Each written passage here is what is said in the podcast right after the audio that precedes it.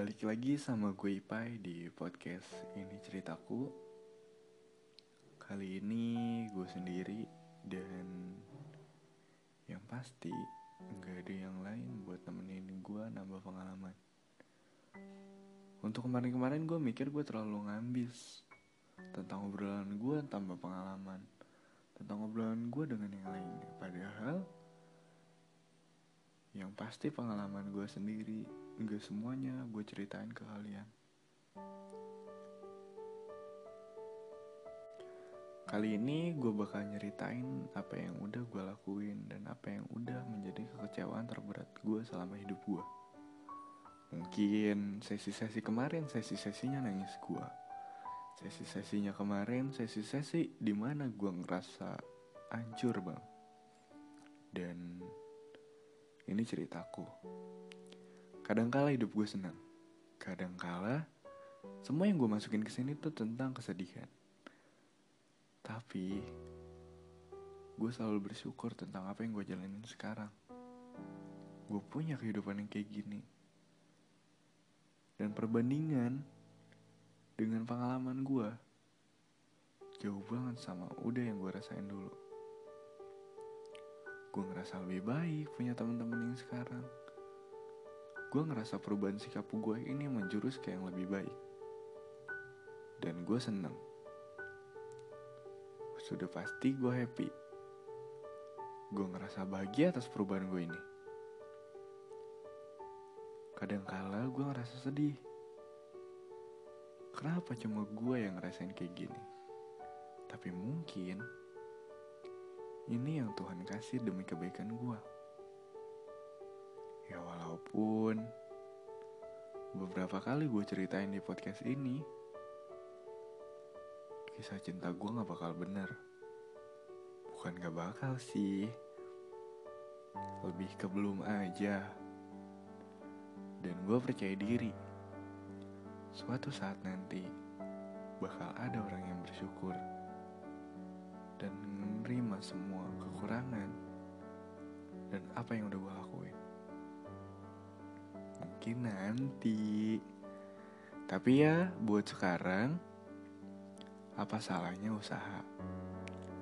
Apa salahnya usaha? Gue selalu ngira, apa emang jodoh gue tuh di negara lain ya? Atau di dimensi lain gitu? Makanya sampai sekarang kayak kenapa nggak nemu-nemu?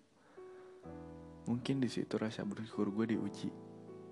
Rasa bersyukur gue tentang kesendirian gue. Tuhan baik banget. Mungkin dibiarin sampai sekarang gue sendiri. Karena Tuhan tahu gue terlalu baik ke orang lain.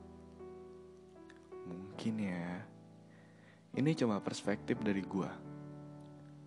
Soalnya manusia gak bakal mau dinilai jelek oleh manusia lain.